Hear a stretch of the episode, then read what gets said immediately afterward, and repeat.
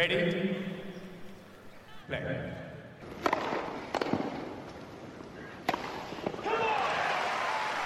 Merhabalar, Farklı Kaydetin Tenis Podcast'i Inside Out'un 51. programına hoş geldiniz. Ben Gökalp. Ben Anıl, merhaba. Bugün şipşak bir program yapıyoruz. Bakalım bu formatı uzun zamandır denemek istiyorduk.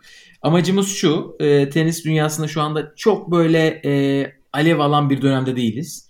Avustralya'dan beri e, böyle bir bazı turnuvalar oynanıyor ama daha masterlar falan oynanmaya başlamadı. Onun için dedik ki son 3 haftada, 2,5 haftada olanları Anıl'la bugün yarım saate böyle 35 dakikaya sığdıralım. Çok konumuz var ama böyle hızlı hızlı geçeceğiz. Hatta böyle e, birbirimize uyarı yapacağız. Dedik, dedik şey yapalım çok fazla konuların üstünde durmayalım. Yani E, mıyız maksat evet yani kısaca maksat tenis dünyasından biraz uzak kalanlar için böyle hızlı bir özet gibi bir e, durum. Aynen öyle. İlk konumuzdan başlayalım. Biz en son Avustralya açığın ilk haftasını konuşmuştuk. Ondan sonra da finalden sonra podcast gelecek mi diyenler oldu. Sırf onları kırmamak adına bir finali hatırlayalım diyoruz. Ee, evet erkeklerde Djokovic e, yine kazandı. E, Dominic Thiem'i 2-1 geriden gelip 3-2 yendi. E, kadınlarda da Sofia Kenin e, Garbiñe Muguruza'yı yendi. Daha büyük sürpriz tabii ki Kenin'di. Ama istiyorsan bir erkekler finalini çok kısa senden duyayım. Ne düşündün? E, sence team'in hiç kazanma şansı var mıydı maç başında maç ortasında? Hatırlıyor musun o anları? Yani 2 2-1'deyken momentum aldı 3-1 bitirecek diye düşündüm ama e, açıkçası şunu söylemek lazım. Tabii ki o anda Djokovic de çok formsuz oynuyordu. Fakat maçı çok kısaca özetlemek gerekirse seviye olarak iyi değildi. Hani böyle her 5 set epiktir falan öyle bir şey yok. Her set biri düştü ve e, o sette ortalama kalan aldı. Yani bir nevi birbirlerine setleri verdiler ve daha çok seti veren team maçın kaybedeni Djokovic kazananı oldu. Turnuvayı genel olarak Djokovic zaten hak etti. Hani başından sonuna kadar istikrarlı oyunuyla. Team kazansaydı ama şaşırmazdım. Çok güzel bir e, sert zemin istikrarı yakaladı. İnşallah izlemeye devam ederiz. Zaten 3 numaraya doğru Federer'in de, e, geri çekilmesiyle emin emin emin adımlarla ilerliyor. Erkekler maçında bir ara Twitter'da o kadar fazla hani insanlar sevinme yani sev, böyle Djokovic taraftar olmayanlar sevinmedi ki hani team 2-1 ilerideyken bile o Djokovic'in ne kadar aslında mental olarak güçlü olduğunu gösteriyor. 2-1 Evet. geride. Ama siz biliyorsunuz Djokovic bir şekilde geri gelecek. Gerçekten onu yaptı. Kenin de sürprizi tamamladı ve e, Muguruza'yı yendi. Çok güzel bir kurası vardı. Bir numaralı Ash Barty dışında. E, kurayı çok güzel değerlendirdi. Ve de artık bir Grand Slam şampiyonumuz var yepyeni. Ash, e, pardon e, Sofia Kenin adında. Yeni şampiyon zaman istiyorsan- kadınlardan çıkması şaşırtmadı. Aynen öyle. Şimdi bir şey yapacağız. Böyle bir potpourri tarzında son 3 haftada damga damga vuran şampiyonlar ve öne çıkanlar konuşacağız. Ee, ilk başta Yelena Rybakina bir konuşalım istersen çok kısaca. Çünkü Yelena Rybakina sene başladığından beri çok güzel oynuyor. Ee, Hobart'ı kazandı. Biz Avustralya açık öncesi podcastimizde konuşmuştuk. Sonra Avustralya'da Barty'ye yenildi. Sonra gitti Rusya'da St. Petersburg'da final oynadı. Ve Dubai'de az kalsın Halep'i de yenip şampiyon oluyordu. Ee, Dubai'de Kenin'i ve Pliškova'yı eledi. Ee, yani burada Rybakina'ya bir bakın dikkat edin demek istedik. Çok güzel bir sezon başlangıcı geçiyor şu anda. Hiç izleyebilme fırsatın oldu mu e, oyununu? Çok temiz bir Hal- şeyi var. Geri çizgi oyunu var. Ha- Halep'le maçını izledim. Çok iyi bir baseline oyuncusu senin de dediğin gibi. E, Sene başından beri çok fazla galibiyet aldı ve bütün turnuvalarda çok hızlı ilerledi. E, teniste, kadınlar tenisinde Grand Slam'ler öncesi bu genelde çok çok iyi bir sinyal oluyor. E, ve buradan da Grand Slam'lerin bir sonrakisi e, Roland Garros'ta kendisini dikkatli takip etmesi gerekiyor seyircilerin diyebilirim. Evet ben onu hatta Wimbledon'a kadar uzatabilirim. Çünkü bence çok güzel bir file önü oyunu da var. Ama e, şu ana kadar çok fazla maç e, şey yapamadım. Özet izledim biraz. Yelena Rybakina'ya bir bakın. Kendisi 18 yaşına kadar doğduğu, büyüdüğü ülkesi Rusya'yı temsil ediyordu. Ondan sonra 18 yaşında Kazakistan onun oyuncu haklarını satın aldı. Ve şu anda Kazakistan adına oynayan oyunculardan birisi. Aynen işte Sasha Bublik gibi. E, ikinci oyuncu Simona Halep. Halep Dubai'de çok güzel bir hafta geçirdi. çok böyle seyircisi bol maçlar oynadı. E, Dubai'nin ATP öncesi WTA haftası bazen sessiz oluyordu ama bu hafta gerçekten çok güzel bir hafta geçirdi bence Dubai WTA adına. E, ve şampiyon oldu. Hiç evet. görebildin mi maçlarını? İşte bir Ribakina ile olan maçını izleyebildim. Ee, yani şunu söylemek gerekiyor kısaca. Avustralya Djokovic için neyse Dubai'de biraz e, Halep için o böyle ikinci evi gibi. Orada hakikaten çok büyük bir e, taraftar kitlesi Halep'i destekledi. Bu tabii ki duygusal olarak çok ek bir e, itici güç oluyordur. Ve ben Halep'in tekrardan böyle üst düzeyini istikrarlı bir şekilde korumasından dolayı heyecanlandım. Özellikle toprak sezonuna e, girmeden önceki dönemde bunu yakalaması acaba tekrar bir Roland Garros zaferi gelebilir mi düşüncesini arttırdı. Evet Ons böyle oynadığı çok güzel bir maç var. Eğer izlemediyseniz son setini özellikle tavsiye ederim. Ondan sonra gitti e, Jennifer Brady'yi yendi ki Jennifer Brady Dubai'de e, Svitolina'yı, Suveşe'yi ve Vondroushova'yı Muguruza'yı yenip gelmişti Halep'in karşısına. E, Halep onu ona iki oyun verdi sadece. Sonra da finalde Rybakina'yı eledi. Diyelim. E, ve de ikinci defa Dubai'yi kazanmış oldu. Dediğin gibi artık orası evi gibi hissettiği yerlerden birisi olmaya başladı. E, bu sefer biraz erkeklere geçeceğiz. Üçüncü isim Gael Monfils. Monfils Avustralya'dan beri zaten oynayabileceği 3 hafta vardı. İkisinde turnuva kazandı. Bir 250'lik Montpellier'i kazandı. Bir de Rotterdam'ı kazandı. Evet yani e, Montpellier'de gerçekten yani şöyle söylemek gerekir. Ortalama oyunculara karşı ortalama üstü bir tenis oynayıp kazandı. Rotterdam'daki zaferinde ben kura şansının çok önemli bir faktör olduğunu düşünüyorum. Zira o turnuvanın baş e, favorileri çok erken turlarda elendiler. Çok da turnuvaya asılmış gibi görünmediler. Ama Monfils de fırsatı değerlendirdi. Hani bu da kararlılığını gösteriyor. Fakat hala hani oyununda bir e, vites at, atlama durumu yok. Dolayısıyla hani güzel başarılar fakat heyecanlandıran bir başarı değil benim için. E, bence aslında biraz kariyerinde bile özetleyen bir şey söyledin. Böyle kendisinden daha az rankingi olan, daha az sıralaması olan, daha düşük sıralamadaki oyunculara karşı Monfils zaten çok güzel oynayabiliyor. Ve bu iki tu- turnuvada da ilk 20'deki hiçbir oyuncuyla oynamadı. Monfils şu anda galiba 9 numarada. Ee, çok temiz bir kura, iki kura birden. Bunu hiç şey yapmadı. Ee, tabii Rotterdam'da Felix'e karşı oynadı ama yani tertemiz e, iki turnuva. Hiç böyle kendisini e, zora sokmayan. E, Valla 750 puan. Fena değil. Onu cebe attı. Allah Ki Rotterdam'da versin.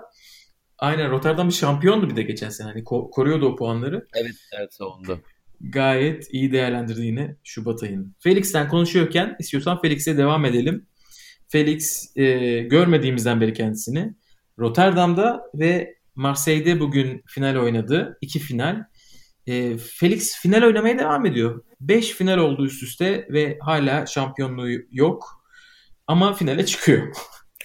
e, ya şu anda Felix'in oyunu tabii ki yani şunu unutmamak gerekiyor. Geçen sene nin başında bundan tam bir sene önce aşağı yukarı yavaş yavaş Felix'in adını duymaya başladık. O günden bu yana üstüne biraz koydu ama çok aşırı bir sıçrama yaşamadı daha. Hani Coco Gauff'un ilk turnuvasından bir sene sonrasını koyduğun zaman ortaya çok daha büyük bir fark var. Hani böyle genç yaştaki oyuncular açısından değerlendiriyorum. Fakat Felix hala 19 yaşında ve şu anda e, bu yaşında finale çıkma sayısı olarak çok çok çok önde. Hani Nadal geliyor. Ondan sonra böyle çok uzun bir ara var. Ve ondan sonra e, o genç yaşında final oynayan az tenisçiden birisi. Dolayısıyla o şeytanın bacağını bir kırdıktan sonra belki psikolojik olarak da rahatlayacak. Ama finalde hep diri oyunculara karşı oynadı. Yani kura şansından kolay veya rahat diyebileceğimiz hiçbir maça çıkmadı finalde. Bugün de Tsitsipas e, yendi onu. Ve Tsitsipas gerçekten oyun olarak son dönemde gördüğüm en iyi haliydi. Avusturya yani ATP finallerinden beri. Dolayısıyla Felix'e yine e, dişli bir finalist rakip denk geldi. Ama olsun ilerlemeye devam ediyor ve olgunluğuyla, karakteriyle gerçekten tenisin geleceği açısından çok ışık veren bir isim ve izlemeye devam etmek lazım. Çünkü oyunu kuvvetleniyor ve kuvvetlendikçe o kupalar gelecektir. Evet aynen öyle yani. Tsitsipas da aslında konuşacağımız isimlerden birisiydi. Onunla ikisini beraber konuşabiliriz. Çünkü Tsitsipas Rotterdam'da erken elendi. Sonra e, Marseille'ye geldi ve Marseille'de finale çıktı. Sonra bugün işte Felix'i yendi. Ve e, hani bugünkü maç sonrası Felix şey dedi Tsitsipas için. Her oynadığımda artık onunla oynamak daha zor oluyor. Çok daha hani oyunu gelişti. Eskisi gibi değil. Ki şunu hatırlatmak lazım. Tsitsipas şey hatta Felix şey dedi. Head to head'de artık birbirimize karşı oynadığımız oyunlarda 2-2 oldu. Bakalım e, re- rekabetimiz nasıl ilerleyecek. E, hani o 2-2 diye düşünüyor ATP maçlarını. Ama e, Tsitsipas geçen sene şeyi söylüyordu. Ben işte Felix'e karşı oynadığım 4-5 maçı da kaybettim. Hani o junior maçlarını da hesaba katıyordu. Kafasında Felix bence çok Sayı. büyümüştü. Ve şimdi en son Shanghai Masters bir de bugünkü final artık Tsitsipas onu e, ona karşı olan hani o kafadaki e, şeyi de ne diyeyim güçsüzlüğü de biraz yenmiş durumda. Felix'in bence de artık böyle o kadar gençken çok yukarılara çıkması biraz beklentileri artırmış olabilir ama onun için böyle birkaç e, daha iyi yapacağı şey var. Onları yaptığı anda çat diye böyle bir iki seviye tekrar atlayacak gibi geliyor bana. Evet. Özellikle eğer bugün çok fazla teknik konuşmayacağız ama çok top spin vuruyor mesela. Bazı toplarda daha böyle düz vurduğu zaman Felix gerçekten hani böyle yine seviye atlayacak gibi geliyor bana. Daha onun gideceği çok yol var gibi hissediyorum. Katılıyorum. Oyununu biraz daha e, ofansif ve kısa winner, winner ağırlıklıya çevirdiği zaman fark yaratacaktır sert zeminde özellikle. O zaman çok kısaca bir Kiki Bertens konuşalım mı? O e, St. Petersburg'da şampiyon oldu ve 3 Rus bir de no, yani doğuşta Rus sonradan Kazak raketi yenerek 4 e, Rusça konuşan diyelim. Dördünü birden yenerek şampiyon oldu. Sonra çok da böyle e, özür dileyerek bir e, teşekkür konuşması yaptı. O da ilk şampiyonluğunu elde etmiş oldu bu sene. Şampiyonluk şampiyonluktur yani hiç fark etmez ki Rybakina'yı yendi finalde. Çok da formda bir tenisçi. E, ondan önce de Fed Cup e, eleme maçlarında Sabalenka ve Sasnovic'i yenmişti. E, Bertens yani seviye çok düşürmüyor. Gayet güzel devam ediyor. Onu Evet yani istedik. Avustralya'da da e, Muguruza'ya elendi sonuçta. Hani Muguruza'nın da çok üst düzey oynadığı bir turnuvada. St. Petersburg'u kazandı. Sonra hani sakatlık yok durumu e, ciddi değildir umarım ama Dubai'den çekildi. Şimdi bakalım nereye gidecek. Fakat güzel e, başladı. Kiki Bertens için de bence sene performans olarak yani buranın üstüne çıkabilir. Aynen öyle. O biraz dinlenme gibi hissettim ben Dubai'den çekilmesini. E, Doha'da Carolina Muhova ile oynayacak ilk maçını. Deyip e, bir başka isme geçelim. Bu dönemi çok iyi değerlendiren bence. E, Vasek Pospisil e, uzun zamandır tekler maçları oynamıyordu. Özellikle ATP seviyesinde. Sakatlığından dolayı ve uzun süre sakat olduğunuz zaman e, sizin şöyle bir hakkınız oluyor. Sanırım 5-6 ay arka arkaya oynamadığınız zaman diyorsunuz ki ben e, sıralamamı dondurayım. Ben sakatlık dönüşü o dondurduğum zamanki sıralamamla e, sınırlı sayıda turnuvaya katılmak istiyorum. ATP diyor ki size işte WTA 6-7 turnuvaya katılabilirsin. Onun için o turnuvaları çok iyi değerlendirmeniz gerekiyor. E, Pospisil de aynen o e, protected rankingle korumalı sıralamasıyla katıldığı birkaç turnuva oynadı. Montpellier'de finale çıktı. Shapovalov ve Goffen'i eledi. Ki orada Gasquet ve Bedene de var. Bedene sonraki hafta Tsitsipas'ı elemişti. Rotterdam'da bir numaralı seri başı Medvedev'i eledi. Marseille'de de Hurkaç'ı eledi. Orada Tsitsipas'a yenildi. E, bence çok güzel işler yaptı. Böyle 153 numaralardan e, 80 numaralara geldi. Sırf o e, işte protected ranking hakkını kullanarak e, Kanadalıların böyle çok iyi dönem geçirmediği zamanda onlara ilaç oldu. Hatta bir arada böyle akça ağaç şurubu falan içiyordu maçlarda. Kanadalılar herhalde coşmuşlardır sevinçten. Pospisil güzel bir Şubat ayı geçirdi. Evet Pospisil gerçekten o da çok zor şartlarda tenise başlamış bir isim. Yine zor bir e, maddi zorluklarla tenisi devam ettiren bir isim. Ama e, aynı zamanda da e, sanırım bu seneki en kritik trendlerden birini yakaladı Pospisil ve ilk 50'ye doğru gidiyor. Ve oyununda ciddi bir iyileşme var. Tabii ki şu anda sakatlık e, derdi falan da yok. Dolayısıyla rahat rahat oynuyor maçlarını.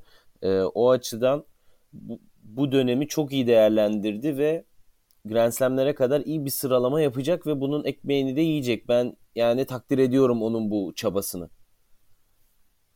Evet ben de şimdi canlı sıralamadan bakıyorum. Ee, ilk 80'e doğru iyice yaklaşmış ve bu tarz turnuvalar oynamaya devam ediyor.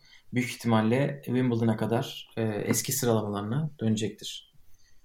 Deyip burada son 3 haftanın şampiyonları öne çıkanlarını son bir isimle bitirelim. Anıl onu sana bırakayım. Ee, bir de Bryan Brothers konuşalım. Evet, Bryan kardeşler de 2020'de bu sene onların son senesi. Hani teniste double maçlarını es kaza izlemiş olan veya izlemeyi seven insanların tek bileceği isim Bryan kardeşlerdir. Gerçekten 15 yıldır herhalde sanırım turdalar veya daha fazla. Ee, bu turda çiftler tenisi deyince ilk akla gelen ikili ve bundan dolayı da bu bu yaşlarında hala şampiyonluk e, yaşamaları gerçekten çok büyük başarı ve hani tenis severleri de çok mutlu etti. Kendilerini tebrik ediyoruz. Çiftler Aynen tenisin efsaneleri. En çok kupa kazananı olmaları lazım. E, tabii kardeş olunca ayrılmamak daha kolay oluyor. Ki aralarından bir tanesi e, geçtiğimiz senelerde sanırım 2018 olacak. E, bu e, kalça ameliyatını geçirmişti. Çok önemli. Andy Murray'e de e, ön ayak olan kalça ameliyatını geçirmişti. Ondan geri dönüşü hiç kimse bilmiyordu. Ve onlar geri dönüşü yaptılar ve kupa kazanmaya devam ediyorlar. Son sezonlarda. Yani Delray Beach'te 6. kupaları. Öyle söylemek lazım. Hani e, bu açıdan da kendileri ikon haline geldikleri turnuvalar var. Evet bence güzel gidiyoruz. bir soluklanabiliriz. Şimdi son 3 haftanın şampiyonlarından biraz daha konu bazlı e, gideceğiz. Evet Federer konuşacağız. Federer haberi geçen günlerde düştü. Federer e, diz ameliyatı olduğunu açıkladı. Ve biz onu Indian Wells'de görmeyi beklerken o dedi ki Indian Wells'i, Miami'yi, işte ondan sonra Dubai'yi, toprak sezonunu geçiyorum. Şimdi görüşürüz. Ne diyorsun? Hala oynayacak herhalde. Ben öyle okudum bu mesajı. Oynamaya devam edecek yani. Yani e, Gökalp çok garip oldu. Ben böyle sanki çok rahat karşıladım. Aa iyi tamam çime geri geliyor. Bir bildiği vardır deyip o kadar yani Federer'in planlamasına ve ekibine güveniyorum ki onlar öyle uygun gördüyse kesinlikle kariyeri uzatmak için bu hamleyi yapmışlardır ve e, hamle de başarılı olmuştur ve çok iyi bir şekilde geri dönecektir diye hissettim. E, Avustralya açıkta da zaten açıkçası dizinin durumunun sıkıntılı olduğu görüldü ki bunu hani Djokovic de maçta e, kabul etmişti ve Federer'in tam performansıyla oynayamadığını dile getirmişti. Ve bundan dolayı da zaten hani dönecekse tekrardan öyle dönmesi lazım. Çünkü Federer'in böyle yıkık ve paramparça olmuş bir dizle kariyerini bitirmesini sanırım kimse istemez. Dolayısıyla zaten ya Federer hani biz Federer severlere verebileceği her şeyi verdiği için o ne kadar sağlıklı kalırsa ve ne kadar uzun süre kortlarda istediği gibi oynamaya devam ederse o kadar güzel. Dolayısıyla bende hiçbir dramatik bir üzüntü, bir keder hiçbir şey yok. Evet, e, dediğim gibi bana da sanki böyle şey gibi geldi. Bir hani operasyon geçirme kararı aldıysa hani herhalde daha devam etmek istiyor. Biraz daha insan e, bunu iyimser olarak okuyor. Çünkü artık bu döneme o kadar alıştık ki bu dönemin bitmesini istemiyoruz. E, hani detaylarına girecek olursak şöyle iki noktası var. Bir tanesi e, bunun adı artroskopik bir operasyon. Yani açık bir ameliyat geçirmediği için hani geri dönme süreci biraz daha hızlı. En azından anladığımız kadarıyla 2016'ya göre daha hafif bir e, operasyon. Öbür taraftan e, bu şu demek oluyor. Federer'in Indian Wells, Miami e, ve toprak sezonunda kazandığı bütün puanları kaybetmesi anlamına geliyor. Yani neredeyse 2016'daki kadar belki o kadar olmasa da bir geri gelme e, çabası sarf etmesi gerekecek. E, şöyle düşünün Indian Wells'ten e, işte finalist puanları vardı. Miami'de şampiyon olmuştu 1000 puan. Dubai 500 işte Roland Garros yarı finali derken bu onu belki ilk 8'in dışına atabilir şimdi sezonu geldiğinde. E, onun için e, Wimbledon'daki sıralaması gerçekten can yakacak hale gelebilir. Onu o zaman konuşuruz. Deyip istersen çok kısaca bir Fed Cup konuşalım mı? Olur. Evet Fed Cup e, elemeleri oynandı e, geçtiğimiz haftalarda Avustralya'nın hemen sonrasında. E, ilk defa yapılan bir şey olduğu için konuşuyoruz. Çünkü bu bu sene Fed Cup da format değiştiriyor. Onlar da Davis Cup gibi e, bir haftada şampiyonun belirlendiği çok çok takımlı bir turnuva oynayacaklar. E, Davis Cup'tan tek farkları bizim de aslında merak ettiğimiz konu buydu. E, Nisan'da oynayacak olmaları. Yani herkes daha tazeyken oynayacaklar. Nisan'da e, Nisan'ın 3. E, haftasında Budapeşte'de oynanacak ya da ikinci haftasında olabilir. Ve e, 12 takım mı? 12 takım katılacak. Her grupta 3 takım var. Onlardan bir şampiyon çıkacak. E, bakalım heyecanla bekliyoruz. Onların elemeleri sırasında Amerika Birleşik Devletleri e, çok güzel bir takımla oynadı. Coco Gauff'un yedek tutulduğu, Serena'nın ve işte Kenny'nin maçlara çıktığı bir takımda Letonya'yı zar zor 3-2 yendiler. Çünkü inanmazsınız e, Ostapenko gitti, Ostapenko. Kenny'ni yendi. Sonra Sevastova'da Serena'yı yendi. Serena e, sanırım kariyerinde ilk defa bir Fed Cup tekler maçı kaybetti. E, ama sonra çiftler maçını aldılar Bethany Metaxent ve Sofia Kenin. Ve e, Nisan'daki finallere adlarını yazdırdılar. E, gerçekten merak ediyoruz ne olacak. Bakalım Davis Cup'a göre farklı noktalar olacak mı? Fed Cup'ın. E, şu anki şampiyon da geçen sene şampiyonu hatırlıyorsanız Fransa. En son Avustralya'yı yenmişlerdi. E, bakalım nasıl olacak? Davis Cup'tan değişik bir nokta olur mu? E, göreceğiz. Yani e, Fed Cup oyuncuların katılım oranı ve yarattığı heyecan olarak kıyaslamak gerekirse Davis Cup'ın tersine olumlu bir ivmelenme gösteriyor şu anda. Hani bu da organizasyon olarak bir şeylerin daha iyi gittiğine bir işaret. Ee, inşallah Türkiye milli takımı da bu seviyelere ulaşır biz de onları izleriz ama şu anda görünen o ki rekabetin yüksek olduğu ve heyecanlı bir Fed Cup finali bizleri bekliyor. Dolayısıyla Budapeşte'ye gitmek isteyen ve ekran başına takip etmek isteyenler kesinlikle kaçırmamalı. Çünkü baya bir kaliteli üst düzey oyuncunun bir arada olacağı sağlam bir turnuva gelecek. Bakalım inşallah gösterirler deyip sonraki konuya geçelim. Ee, bunu kaçırmamışsınızdır. Match for Africa diye bir maç oynandı. Federer, Nadal, Bill Gates, işte Güney Afrikalı komedyen Trevor Noah e, Güney Afrika'da bir maç serisi yaptılar o akşam ve e, 52 bin seyirci bir futbol stadyumunu doldurdu ve 3,5 milyon dolar topladılar Federer'in vakfı için. E, gerçekten tenisin neler yapabileceğini gösteren bir e, akşam oldu. Sen denk gelebildin mi? Gerçekten böyle ilginç anları vardı maçın. Yani maçın ilginç anları çok fazlaydı. Çok keyifli ve eğlenceli geçti. Ee, önce hani Federer ve Nadal'ın maçından başlamak gerekir sanırım. Gerçekten çok keyifli ralliler ve güzel vuruşlar, güzel puanlar izlettiler seyircilere ve hani kendilerini tabii ki fiziksel olarak çok hırpalamadan çok e, Güney Afrikalılara herhalde unutulmaz bir maç izlettiler.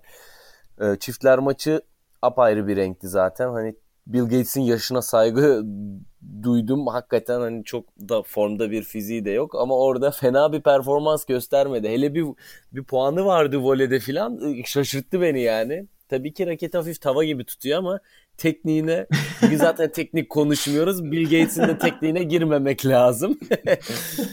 ama e, yani Federer'in tenisten tenisin marka değerinden çok daha büyük bir marka değerine ulaştığını bir kez daha gösteren bir e, turnuva. Bir de yanına Nadal'ı alınca gerçekten dünya için çok güzel bir şey yapmayı başarıyorlar. Eminim ki tenisi bıraktıktan sonra da bu tarz aktivitelere devam edecekler. Hem popülaritelerini e, koruyacaklar hem de popülaritelerini dünyaya güzel bir şeyler kazandırmak için kullanacaklar. Zira buradaki toplanan 3,5 milyonda Afrikalı çocukların eğitimine gidiyor ve zaten turnuva süresi ya turnuva pardon gösteri maçından önce de Nadal ve Federer oturup Afrikalı çocuklara kitap okudular, e, onlarla beraber vakit geçirdiler. Yani Afrika kıtasına dair çok güzel bir farkındalık oluştu ve tabii ki Afrika için çok şeyler yapan Bill Gates ve Güney Afrikalı Trevor Noah'yı da yanlarına alarak çok daha geniş bir kitleye ulaştılar. Ve e, Federer'in annesi de tabii ki burada e, çok çok merkezde bir konumdaydı. Kendisi de Güney Afrikalı olduğu için. Bundan dolayı e, gerçekten ben çok duygulandım ve hani tenisin bu tarz güzel faaliyetlerin içerisinde öncü olması beni çok mutlu etti. Biraz uzattım burada ama gerçekten hani duygusal olarak e, kritik bir konu bence. O zaman bizi duygusal olarak çok güzel yerlere götüren başka bir habere geçelim. Çünkü bu haberleri böyle çok sık sık vermediğimiz için böyle yavaş yavaş da konuşabiliriz. Ee, Cem İlkel evet. bir ATP Challenger turnuvası kazandı. Anıl bunu sana bırakayım istiyorsan sonra ben eklemelerimi yaparım. Ee, evet Cem İlkel Fransa'da Quimper'da e, çok güzel bir turnuva zaferine ulaştı ve gerçekten hani bazı challenger'lar vardır. Bakarsınız kurada kimse yok. Ya oradan aralardan sıyrılıp şampiyon olabilirsin. Bu bence öyle bir turnuva da olmadı. Ve e, Cem seyircilerin çok büyük saygısını kazanarak finale ulaştı ki Fran şey şampiyonluğa ulaştı ki e, herhalde seyir seyirci desteği ve yoğunluğu olarak çok üst düzey bir Challenger turnuvası. Fransa zaten Challenger işlerini bayağı iyi beceriyor. Çünkü Challenger ATP'nin bir alt seviyesi olduğu için çok da tribünde seyirci sayısı fazla olmadığı gibi zaten televizyonda hani tek bir tane kamera oluyor kortta izlenecek. Burada çok ateşli bir seyirci vardı ve Fransa'da Fransızların çok büyük sevgisini ve takdirini de kazandı. Ee, çok kısaca oyununu söyleyeceğim. İnanılmaz bir e, servis oyununda gelişime gitmiş. Ee, orada çok iyi bir ilk servisinden puan çıkarma yüzdesi var ve ikinci servisinden de iyi puan çıkarıyor. Ace sayıları maç başına çok yükseklerde. Yani 10-15 bandında ace'ler atıyor ki hani Cem 2 metre boyunca bir oyuncu değil. Dolayısıyla servisi çok büyük bir silah haline geldi. Önceki turnuvaların aksine e, ben kondisyon durumunu çok daha ileri seviyeye çekmiş gördüm. E, dolayısıyla fiziken vuruş kalitesi ile yavaş yavaş üst seviyelere doğru geliyor Cem. Hani bu hafta da 3. tura yüksel, çeyrek finale yükseldi. Çeyrek finalde elendi. Ee, bu tabii ki istikrar ve maç kazanma alışkanlığı açısından da önemli. O yüzden Cem'i artık Roland Garros'da ana tabloya bekliyoruz. Biz orada olacağız Cem. Seni de bekliyoruz. Çok tebrik ediyoruz. Ve şunu da söylemeden geçemeyeceğim. Orada seyircilerin sevgisini sadece e, oyunuyla değil aynı zamanda da davranışlarıyla ve karakteriyle de çok kişinin takdirini kazanmış. Bu da tabii çok ayrı bir mutluluk kaynağı. Çünkü bizi kişilik, karakter olarak da temsil ediyor orada ve bundan dolayı da bizi bu kadar güzel temsil etmesi için, ettiği için ayrıca teşekkür ediyoruz. Aynen öyle. Şu Anıl'ın söylediği hani bu Kimper e, turnuvasındaki şanslı olmadığını bir şeyi söyleyeyim. Hani rakamlarla e, söyleyeyim size. Seri ellediği seri başları 13 numara, 5 numara, 3 numara ve 2 numara. Yani bundan herhalde daha zor e, bir e, şampiyonluk rotası çok yoktur. Sonra da Bergamo, Bergamo'da çeyrek finalde elendi ama çok da yenebileceğim bir maçtı. Şimdi canlı sıralamada 196 numarada gerçekten de hani böyle artık Grand Slam elemelerini oynamayı garantilemiş bir noktada e, iyi bir şekilde devam ediyor deyip e, bir başka temsilcimize çok daha ufak bir temsilcimize geçelim.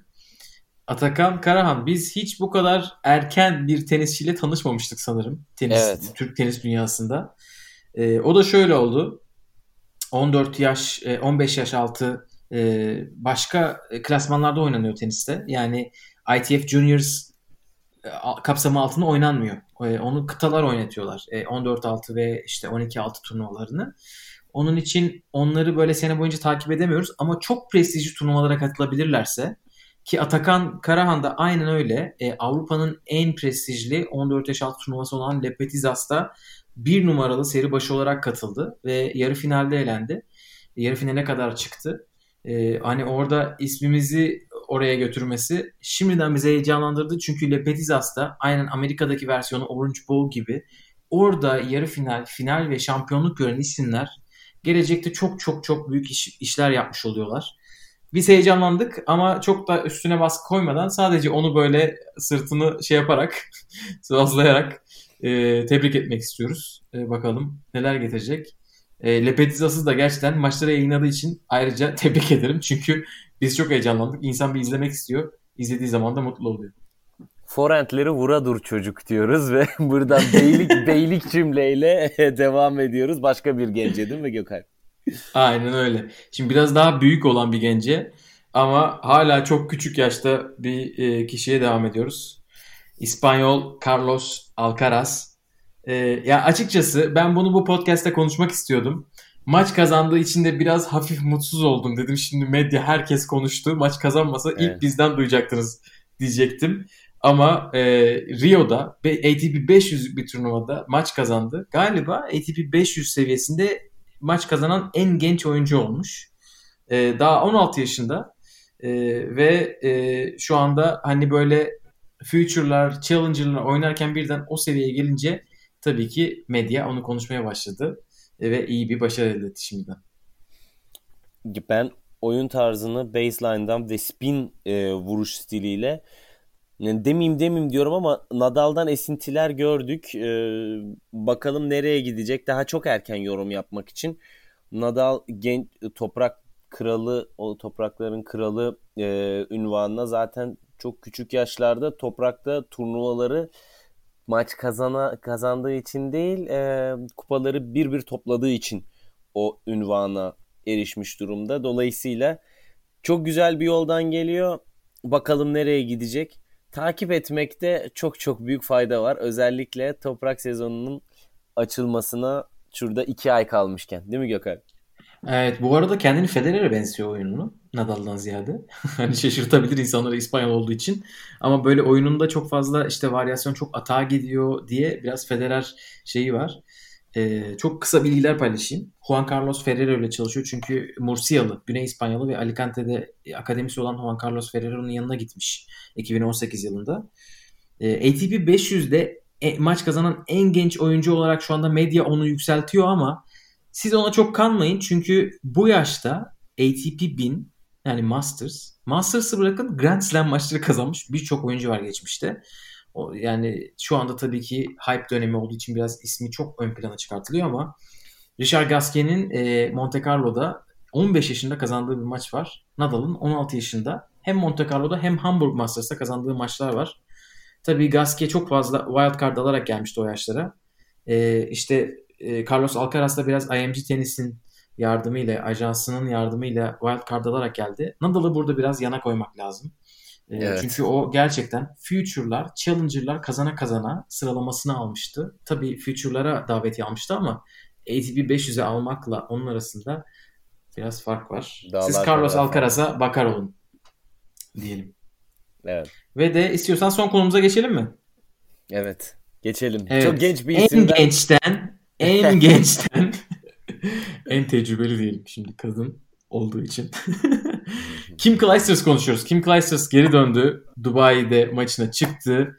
Garbiñe Muguruza'ya karşı da çok da güzel bir maç oynadı. İkinci seviyede altı biten bir maçta. Kaybetti. Neler diyeceksin? Bütün hep beraber heyecanlandık galiba. Zaten ilk hani Bertens'le eşleşmişti. Sonra Bertens e, çekilince Muguruza ile eşleşti dedim. Yani ikisinde de ben açıkçası 6-2 6 yani iki maçı Bertens'le de Muguruza'yla da 6-2 6-2 filan biter diye tahmin ettiğim bir e, skordu. Fakat e, çok terledi, çok yoruldu ve hakikaten de e, fiziken daha çok formunda demek zor Clijsters için. Ve bütün bunlara rağmen muazzam bir tenis oynadı özellikle dediğin gibi ikinci sette. Yani e, comeback ise comeback'in kralı olur ama e, her şeyden öte hem bu yaşında hem de e, kurduğu aile e, bir yana hani onların hepsini beraber idare edebildiği için çok büyük bir saygı hak ediyor. Tenise geri dönmesi tenise çok şey kazandırır. Kaybettiği maçların hiçbiri ondan hiçbir şey götürmez. Kendisi gerçekten yaşayan bir efsane. Onun kortu yani onun karakteriyle tenise kattığı çok değer var. Dolayısıyla varlıkları bile büyük bir kazanç. Aynen öyle. E, bu Kim Clijsters'ın bu geri dönüşüyle beraber Hani 3 çocuk ve işte 6 seneden sonra geri dönüp böyle bir maç oynayınca biraz şey yankıları da olmaya başladı. WTA'li seviye gerçekten bu kadar mı düşük yoksa Clijsters mı bu kadar iyi? Onu galiba sezon boyunca konuşacağız. Bakalım WTA nasıl seviyesi ne duruma gelmiş? Clijsters ne kadar e, zorlanacak? Bu ilk maç heyecanlı mıydı? Onu beraber artık zaman geçtikçe konuşuruz diyelim. Evet. 35 dakika. Valla bence fena değiliz. Konularımızı İyi, bitirdik. güzel. Evet. çok da Aynen konu öyle.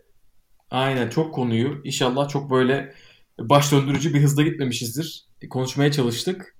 Bir sonraki podcastimiz artık Indian Wells'e yakın olacak ve sonra çok yoğun bir döneme giriyoruz. Toprak dönemine giriyoruz. Ee, başka ekleyeceğimiz bir şey yok galiba. Var mı Anıl ekleyeceğim şey? Bizi dinlemeye devam edin.